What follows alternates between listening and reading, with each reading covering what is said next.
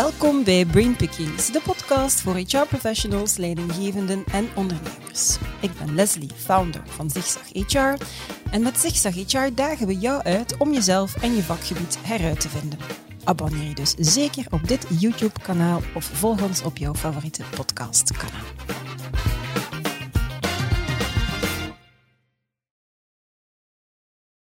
Betrokken zijn jouw medewerkers vandaag nog? Daar gaan we het deze keer over hebben. En over langdurig verzuim.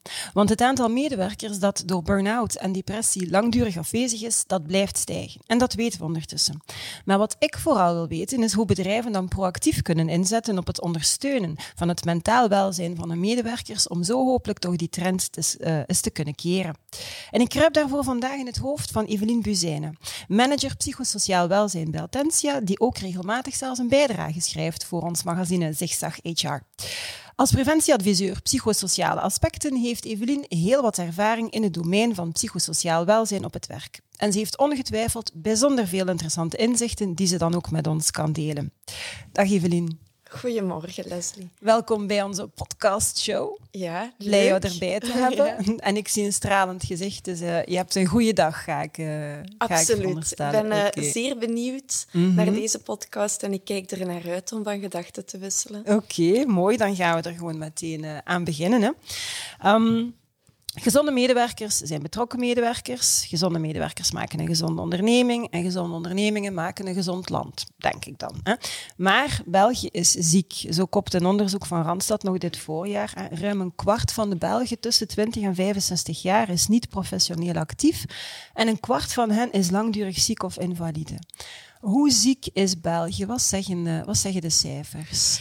Ja, de cijfers zijn natuurlijk uh, trist te noemen. Mm -hmm. um, de, de standaard en alle kranten hebben het ook gekopt uh, in januari nog, dat uh, een half miljoen Belgen langdurig afwezig zijn. Hè, dat blijkt uit de RISIF-cijfers en die gaan eigenlijk tot uh, juni 2020. En ja, een half miljoen Belgen is veel, is ook een enorme mm. stijging. als we alleen al kijken naar de cijfers van 2015 dan zien we dat er daar nog maar 370.000 ja. ziek waren. Momenteel zitten we op een half miljoen. En ja, de impact van corona moet dan nog blijken, ja, hè, want ja. dat heeft een enorme verandering gebracht. Ook naar mentaal welzijn bij iedereen. Dus ik ben uh, zeer benieuwd naar de volgende mm -hmm. cijfers. En uh, als we het dan hebben over mentale problemen, dan zien we ook wel echt die shift. Hè. Ja. Vroeger uh, bleek uit de cijfers dat locomotorische problemen eigenlijk de voornaamste problemen waren. Rugpijn, artrosen en dergelijke, gewrichtspijnen. En we zien dat er echt een shift is. Mm -hmm. Dus momenteel is een nummer één oorzaak bij langdurig afwezige mentale problemen. Ja. En dat zou toch wel een alarmbelletje ja. moeten zijn. En zoals in de introductie ook gaf, veel mensen die worstelen niet alleen met depressies, maar ook burn-out. Mm -hmm. Wat toch allemaal ook werkgerelateerd is. Um, dus tijd om actie te ondernemen. Ja, absoluut. Um, ja, dus op basis van de cijfers kan je inderdaad niet anders dan vaststellen en dat er werk aan de winkel is, dat bedrijven hiermee toch aan de slag moeten gaan, om dat woord dan toch maar te gebruiken. En dat dan ook best op meerdere niveaus. Hè. Een niveau van de organisatie zelf, niveau van de leidinggevende, niveau van het individu. Kan jij misschien zo per niveau toelichten hoe dat je daar dan heel concreet best aan begint? Ja, als we beginnen op niveau van organisatie, want dat is eigenlijk de basis mm -hmm. voor mij. Je begint als organisatie uit te denken van wie zijn wij? Waar mm -hmm. staan wij voor? Wat is onze visie, missie? Wat zijn onze waarden? En ik zeg altijd, blijf zo dicht mogelijk bij de identiteit mm -hmm. van mhm. jouw organisatie. Dat is jouw DNA. En dat moet je uitstralen. Vanaf dat je een shift begint te maken die te ver ligt van wie dat je bent als organisatie, is dat niet meer geloofwaardig. Mm -hmm. Vanaf dat je weet wie dat je bent, ga je ook gaan nadenken, wat is voor ons nu welzijn? Ja. Wat verstaan wij onder fysiek, mentaal welzijn? En eens dat je dat weet, ga je moeten nadenken, ja, wat zijn in onze organisatie nu onze sterke punten, maar ook onze ja, zwakkere punten? Mm -hmm. En wat maakt dat medewerkers zich bij ons goed voelen? Maar wat zijn factoren die maken dat medewerkers zich misschien niet goed voelen op het werk. En dan is het heel belangrijk om dat in kaart te hebben. En dus eigenlijk te gaan meten en te gaan meten naar het welzijn van jouw medewerkers. Mhm. En meten kan op veel verschillende manieren. Je kan dat kwantitatief doen, kwalitatief doen. Um, ook daar zeggen wij altijd pak iets dat past bij jouw DNA, waar, waar dat je ook het gevoel hebt, daar gaan jouw medewerkers zich comfortabel bij voelen en ze gaan input kunnen geven. En ja, als je een meting doet, als je die kwantitatief doet bijvoorbeeld, kan je ook gaan kiezen. Kiezen wij voor één momentopname of gaan wij hem eerder continu gaan meten? want we merken ook een nieuwe shift bij bedrijven dat ze zeggen, een momentopname is goed. En dan hebben we alles in kaart, al die factoren waaraan we kunnen werken. Maar langs de andere kant blijft dat mhm. een foto die je trekt. En morgen kan het alweer anders zijn. Dus we merken ook wel een shift dat veel bedrijven zeggen, we zouden liever continu meten, continu data verzamelen, om dan te weten hoe dat gaat met onze medewerkers. Mhm. Is ook perfect mogelijk. Uiteraard, als je alles in kaart gebracht hebt, en, en daar ligt dan ook wel mijn passie, dan moet je als organisatie daar iets mee doen. Je hebt je medewerkers gemobiliseerd om eerlijk te zijn, hun mening te geven, uh, te zeggen hoe dat het gaat met hun welzijn. Je krijgt daar een mooi overzicht van, maar dan is het belangrijk om actie te nemen. En effectief een keer te kijken van wat komt er nu uit die meting? Wat zijn factoren dat wij daarin willen weerhouden? En daar ook zeg ik van niet te veel weerhouden. Mm hè? Beter een paar kleine acties nemen waar dat je impact op kan hebben, dan heel veel te gaan doen die weinig impact hebben. Mm. En dan moet je gaan kijken hoe ga ik die verweven binnen mijn welzijnsbeleid. Ja. Um, dat verweven vind ik inderdaad een belangrijk woord. Zo niet on the side, maar zo echt ja, ja, helemaal integreren. Ja. ja. Dus bij bedrijven, als wij die ook ondersteunen in hun welzijnsbeleid, dus het moet passen bij hun DNA, maar wij mhm. zeggen ook, creëer dan een soort van logootje dat herkenbaar is voor de oh medewerkers. En alle acties die je koppelt daaraan, koppel die aan dat logootje. Ja. Ik heb ooit een klant gehad en die hadden een meting gedaan.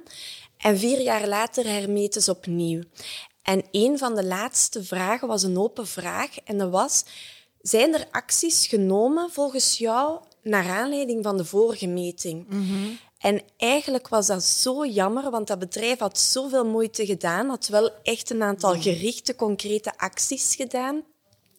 En die medewerkers wisten dat niet meer, want ze konden die koppeling niet maken tussen er is een meting gebeurd, daar is een actie uit gebeurd, maar die twee waren niet gekoppeld voor hen. Dus ik zeg ook altijd, maak dat visueel, maak dat fun, maak dat leuk. Geef daar en een naam ja, ja, ja, een slogan. Ehm, je hebt zoveel leuke dingen dat je kan doen. Um, maar zorg dat, dat medewerkers dat kunnen koppelen aan mhm. elkaar.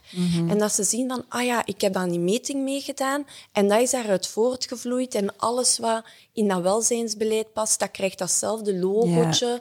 En mijn, medewer mijn werkgever is begaan met mij. Ja, ja, ja, dat is inderdaad. Dus dat is op het niveau van de organisatie dan? Ja. Bij andere niveaus? Ja, het niveau mhm. van de leidinggevende. Uw leidinggevende is een sleutelfiguur in uw mhm. organisatie. Dat kan niet anders. En daar blijf ik ook hameren op ja, uw leidinggevende gaan opleiden. Mhm. Kunnen zij signalen detecteren van onwelzijn? Kunnen zij als zij de signalen detecteren, kunnen zij open, constructief in dialoog gaan met die medewerkers. Uh, dat is zo belangrijk, mhm. maar dat zijn niet vaardigheden die bij iedereen automatisch er zijn. Mhm. En het is heel belangrijk om die vaardigheden te gaan trainen en te zorgen ook naast het opleiden van uw leidinggevende, regelmatig hen een keer te laten, te laten sperren. Met elkaar? Uh, ja, met elkaar, mhm. met de HR-businesspartner. Ehm, en, en te gaan bevragen van oké, jij zit met een situatie, hoe zou je dat nu aanpakken? Of hoe heb je dat aangepakt? Uh, wat kan je daaruit leren? Wat, wat zijn dingen die je meeneemt? Welke tips kan ik jou mhm. geven?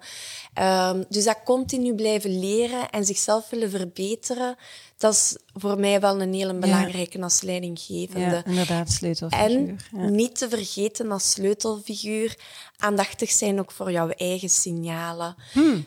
eigen welzijn ook hoog in het vaandel dragen. Hè. Je moet het, het welzijn van je medewerkers hoog in het vaandel dragen, maar ook dat van jouzelf. Ja, ja. En je kan geen voorbeeld gaan tonen aan jouw medewerkers als je zelf niet goed bent. Ja, en ik vrees dat inderdaad wel een beetje over het hoofd gezien wordt. Dat mensen, de leidinggevenden, dan daar, daar minder zelf bij stilstaan. Of dat ze misschien in het slechtste geval wel eens zouden vergeten worden. Hè, er wordt Ja. heel veel doorgeduwd van boven naar de leidinggevende. Zij moeten het dan maar gaan oplossen. Ja, dat, dat we inderdaad genoeg stilstaan, ook bij hun welzijn. Hè? Ja. Ja, ze zitten vaak in een, eh, een sandwichpositie. Ja, mhm. En zij moeten tegenwoordig, merk ik dat ook wel, de superman of supervrouw zijn. ja. Mhm. En dat kan niet altijd. En wat, wat wij tegen leidinggevenden ook zeggen is, durf je ook kwetsbaar op te stellen. Mhm. Dat maakt u alleen maar authentieker. En soms mag je ook een keer tegen je team zeggen van, het gaat vandaag niet Nee. goed met mij. Ik voel mij niet goed. Maar dat creëert alleen maar openheid. En ik moet zelfs zeggen, voor mij is dat ook wel een moeilijke. Hè? Als je zelf in een leidinggevende rol zit, dan denk je van, ik moet me altijd goed en sterk houden. Ehm, evenzeer merk ik soms als ik dan tegen mijn team of als ik in een one-to-one zit en ik zeg van, vandaag is het ook mijn dag niet, of ik voel mij ook niet goed, of ik kijk ook uit naar het weekend en de vakantie omdat het druk geweest is, dat ze direct daaraan kunnen relateren en, en het, het gesprek wordt geopend. Ja, ja. Dus wees ook authentiek. Ja. Ja. durf zeggen dat het ook een keer minder, eh, minder goed gaat. Ja. Dus dat is de leidinggevende en dan komen we aan het individu. Ja, Ja. medewerkers, ook Mhm. heel belangrijk. Hè. Ken jij jouw eigen signalen? Mhm. Weet jij wanneer dat je er over aan het gaan bent? Wanneer zit je in jouw welzijn en wanneer in jouw onwelzijn? Mhm. En kan je dat bij jouzelf herkennen hè, met de hash? Maar evengoed kan je het ook erkennen. Zonder de H dan, hè, gewoon Mhm. Met de E. Ehm, want dat is een hele belangrijke. Het is los van dat je het bij jezelf kan herkennen, moet je ook wel er dan aandacht voor hebben en erbij durven stilstaan van oké, nu gaat het niet goed met mij en ik moet een aantal acties ondernemen. En ook daar weer is belangrijk, reik de nodige handvaten aan aan jouw medewerkers, dat zij die signalen kunnen leren herkennen bij Ja. zichzelf, maar er ook naar handelen. En dat is eigenlijk alles wat preventie betreft, continu gaan herhalen en gaan en, en medewerkers opleiden, leidinggevende opleiden, zodat je preventief kan werken en iedereen ook voor zichzelf preventief kan gaan werken aan onwelzijn, Ja. om dan terug over te gaan naar welzijn. Oké, volgens mij is dat nog de grootste uitdaging dat je het bij jezelf herkent. Want veel mensen zeggen, ja, maar ja, het zal wel overgaan en morgen Ja. is beter en het zal wel... Ja, eh, niet, niet evident. Ehm, ja, je spreekt inderdaad, je legt echt wel de nadruk op preventie. Hè? Dus veel sneller die stresssignalen gaan opvangen. Daar loopt het sowieso volgens mij al, heel vaak mis. Kan je daar misschien een aantal tips toch, toch bij geven? Ik, ik geef het nu zelf ook in mijn eigen context aan. Van, ja, er kan nog wel een tandje bij, zegt je dan. Hè?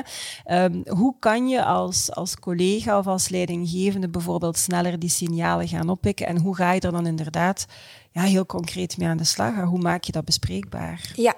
ja, want los dat de eigen persoon zijn eigen signalen zou moeten herkennen, wil dat nog niet zeggen dat hij daarnaar handelt. En hoe kan je dan als leidinggevende dat gaan herkennen? En er zijn heel veel signalen. Voor iedereen zijn die signalen ook anders. Dus ja, er bestaan heel veel lijstjes en je kan die dan allemaal gaan van buiten leren, maar dat gaat niet helpen. Ehm, dus wat ik ook zeg, als leidinggevende, als collega, ken je jouw collega, ken je Ja. jouw medewerkers in jouw team en je weet eigenlijk wat hun normale gedragspatroon is. Ja. En ik zeg altijd, vanaf dat je merkt dat iemand begint af te wijken van zijn normale gedragspatroon, dat zijn de signalen. Vanaf dat je eigenlijk merkt dat iemand anders doet dan dat hij normaal doet, dat zijn signalen waar dat je aandachtig voor moet zijn. Ehm, en daar moet je eigenlijk op gaan handelen. En ik zeg ook altijd, je kan nooit een gesprek te veel aangaan. Het is beter dat je zegt van, ik heb dat opgemerkt. Is dat juist dat ik dat opgemerkt heb? Hoe moet ik dat interpreteren? En Dat je echt dat gesprek uitgaat van een, aangaat vanuit een, een bezorgdheid, een betrokkenheid ook. Ehm, en dan is het nog aan die medewerker om te zeggen van, oh ja, die een dag was dat inderdaad wat minder. En ehm, fijn toch dat je die signalen hebt opgepikt, maar vandaag gaat dat beter.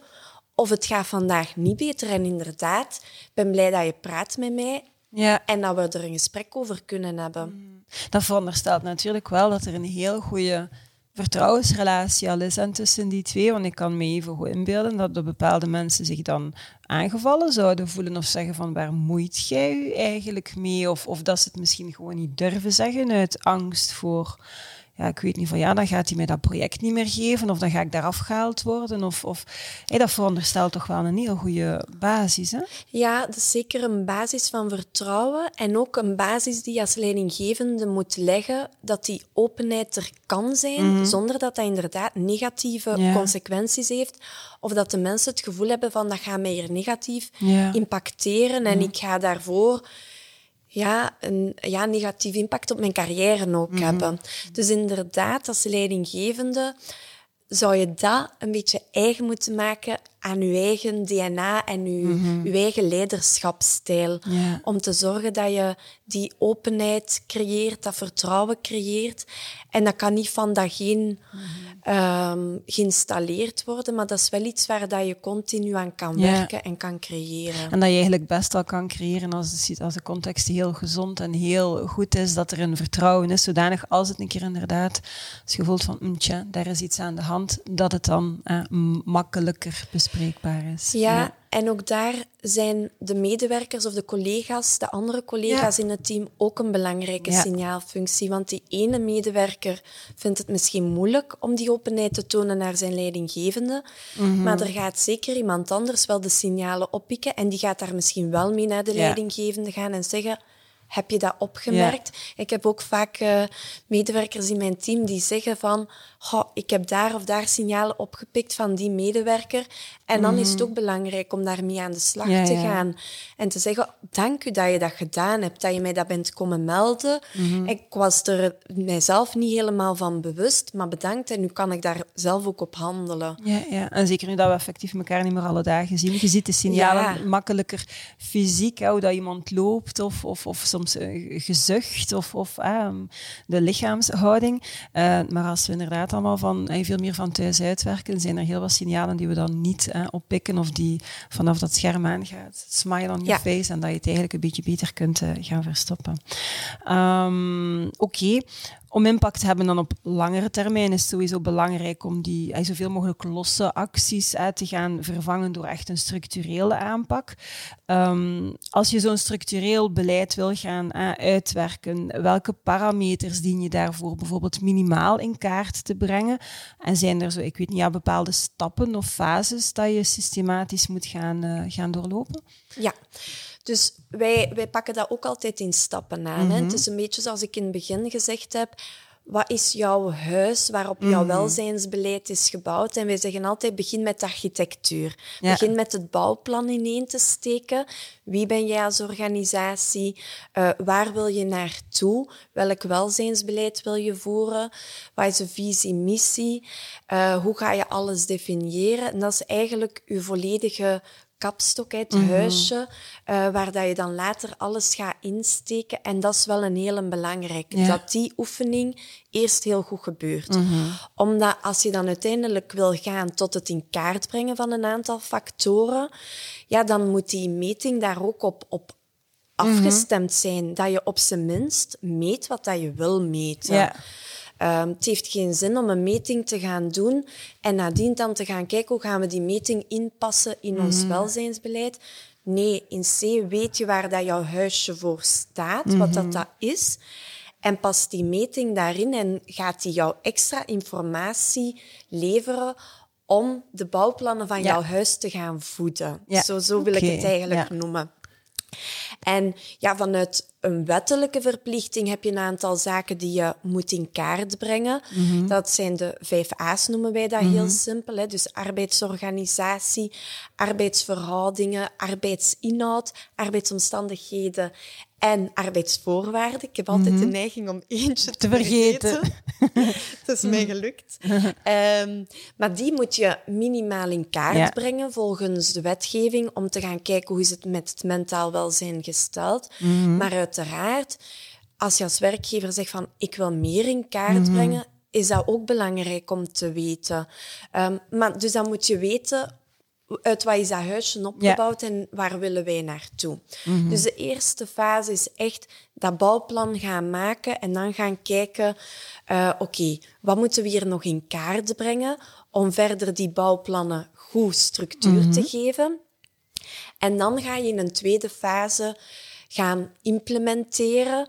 En de implementatie zeggen wij, zoals ik ook daarnet heb gezegd, uh, zorg dat je daar iets fun van maakt. Dat je Mhm. een logo creëert voor jouw beleid dat je gaat voeren de komende jaren. En um, zet een aantal acties uit die impact gaan hebben. Um, focus dan ook, ik ja, gehoord daarnet. Ja, niet te veel. Ja, niet te veel. Beter gerichte acties met impact dan 100 acties waar dat je geen impact mee hebt. Um, medewerkers gaan ook meer onthouden, gaan enkele acties die impact hadden op hen beter onthouden dan 100 acties. Ja. En ook dat is een stukje de oefening die we maken met organisaties van wat doe jij vandaag eigenlijk allemaal? En als wij met hen in kaart brengen wat dat zij allemaal al doen, welke acties dat er zijn, dan liggen ze meestal zelf achterover van amai, doen wij zoveel. En het gros van de medewerkers weet, Weet zelfs niet dat, er, dat het bestaat. Dus daar gaan wij ook kijken van oké, wat, wat is er hier nu nog nodig? Wat wil je Mhm. aanhouden? Waar heb je impact mee? En waar heb je geen impact mee? En creëer je dan misschien budget voor Ja, andere ja, acties die wel impact hebben. Want vaak is de, de reactie van, oh, maar daar moet allemaal budget voor vrijgemaakt worden en kost allemaal veel geld. Mhm. Ja, je hebt inderdaad wel een, een soort van werkingsbudget nodig, maar dat kan je misschien halen van acties die je vandaag doet, maar geen impact Ja, hebben. klopt. Ehm, dus implementatie, een hele Mhm. belangrijke, dat je dat goed implementeert, dat je dat een soort, ja, met een soort van kick-off ook doet in jouw organisatie. Mooi communicatiebeleid Ja, ook rond. Hè, zeer goede Ja. communicatie doen. Ehm, eigenlijk intern gaan marketing doen. Mhm, ja. Ehm, en zorgen dat dat leeft onder die medewerkers. En dat dat authentiek weer is. Hè? Dus het moet passen bij jouw DNA. En wat we dan ook zeggen is, als je het implementeert, is het heel belangrijk, en dat is die laatste fase, gaan evalueren en monitoren. Mhm. Ja. En wij durven wel stellen ook, durf daar KPI's aan te zetten. Ja. Wij kijken in het begin ook al met hen van, wat zijn bijvoorbeeld jullie verzuimcijfers op vandaag? Ehm, wat doe je vandaag al om dat verzuim naar beneden te halen? En als we nu met dat volledig nieuw welzijnsbeleid of dat aangepast be- welzijnsbeleid aan de slag gaan gaan, ga je dan impact zien op Ja. die cijfers. Ook verloopcijfers bijvoorbeeld. Dat zijn toch allemaal belangrijke indicatoren voor hoe medewerkers zich voelen.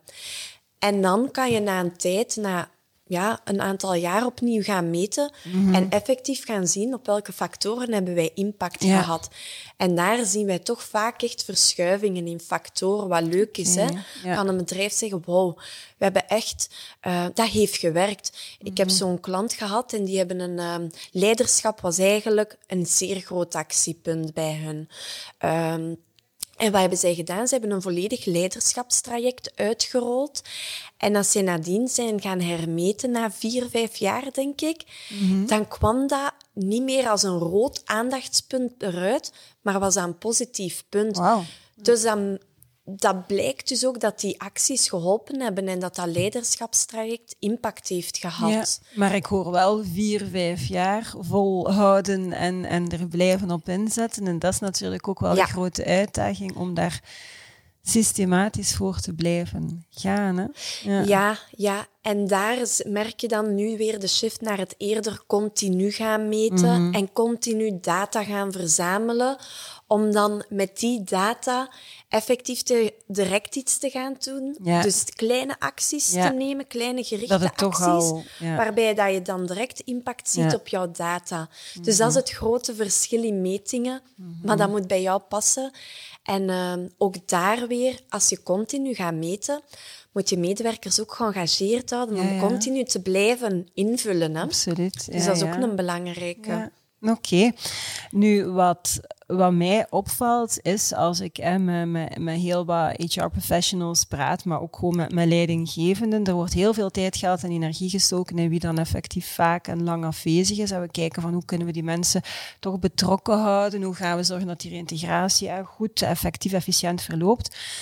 En misschien wordt er eigenlijk in verhouding wel een beetje te weinig tijd, geld en energie gestoken in mensen die wel nog hè, aanwezig zijn. Mij lijkt het dan belangrijk om die balans in evenwicht te houden, om te, ja, ook die mensen die nog altijd ja, de boel moeten houden heel vaak, om die toch ook um, de voldoende aandacht te geven. Is, is dat iets wat, jij herkent en is dat iets waar, jullie dan ook actief op, uh, op inzetten als jullie organisaties begeleiden? Ja, en sowieso als we zeggen van als je een welzijnsbeleid gaat uittekenen, dan focus je jou op de aanwezige mensen. Mm. Je gaat je focussen op acties nemen om mensen aan de slag te houden, gemotiveerd te houden, betrokken te houden. Um, dus wij geven ook wel aan, maak een welzijnsbeleid waar daar heel veel ruimte en plaats is voor jouw aanwezige medewerkers. Ja. Mm -hmm. Daar ligt jouw focus. Daar kan je nog preventief gaan werken. Ja. En dat wil niet zeggen dat de afwezige medewerkers geen aandacht mogen mm -hmm. krijgen. Maar voor mij is dat een klein deel van het, het, mm -hmm. het beleid dat je voert. Hè. Als okay. je welzijnsbeleid de grote kapstok is, het grote bouwplan, dan heeft een klein stukje in jouw bouw, bouwplan ook aandacht voor de afwezige medewerkers. Mm -hmm. En je wilt ze heel snel krijgen eigenlijk terug in jouw bouwplan naar ja. die aanwezige medewerker. Mm -hmm. um, dus wij zeggen ook van afwezige medewerkers belangrijk om hen zeker betrokken te houden, om naar de dialoog open te houden en vooral ook creatief te zijn. Ja. Want sommige medewerkers blijven afwezig, om welke reden dan ook, hè, en, en vaak heel terecht. Maar wees creatief, want vaak kunnen ze misschien al aan de slag, maar misschien mm -hmm. deeltijds. En dan is de vraag van, oké, okay, hoe kunnen ze terug aan de slag deeltijds bij ons? Kunnen ze eventueel een ander takenpakket opnemen? Um, en vaak blijkt ook van, medewerker ziet het niet zitten om terug te starten in zijn huidige functie, omdat die werkdruk te hoog is. Ja.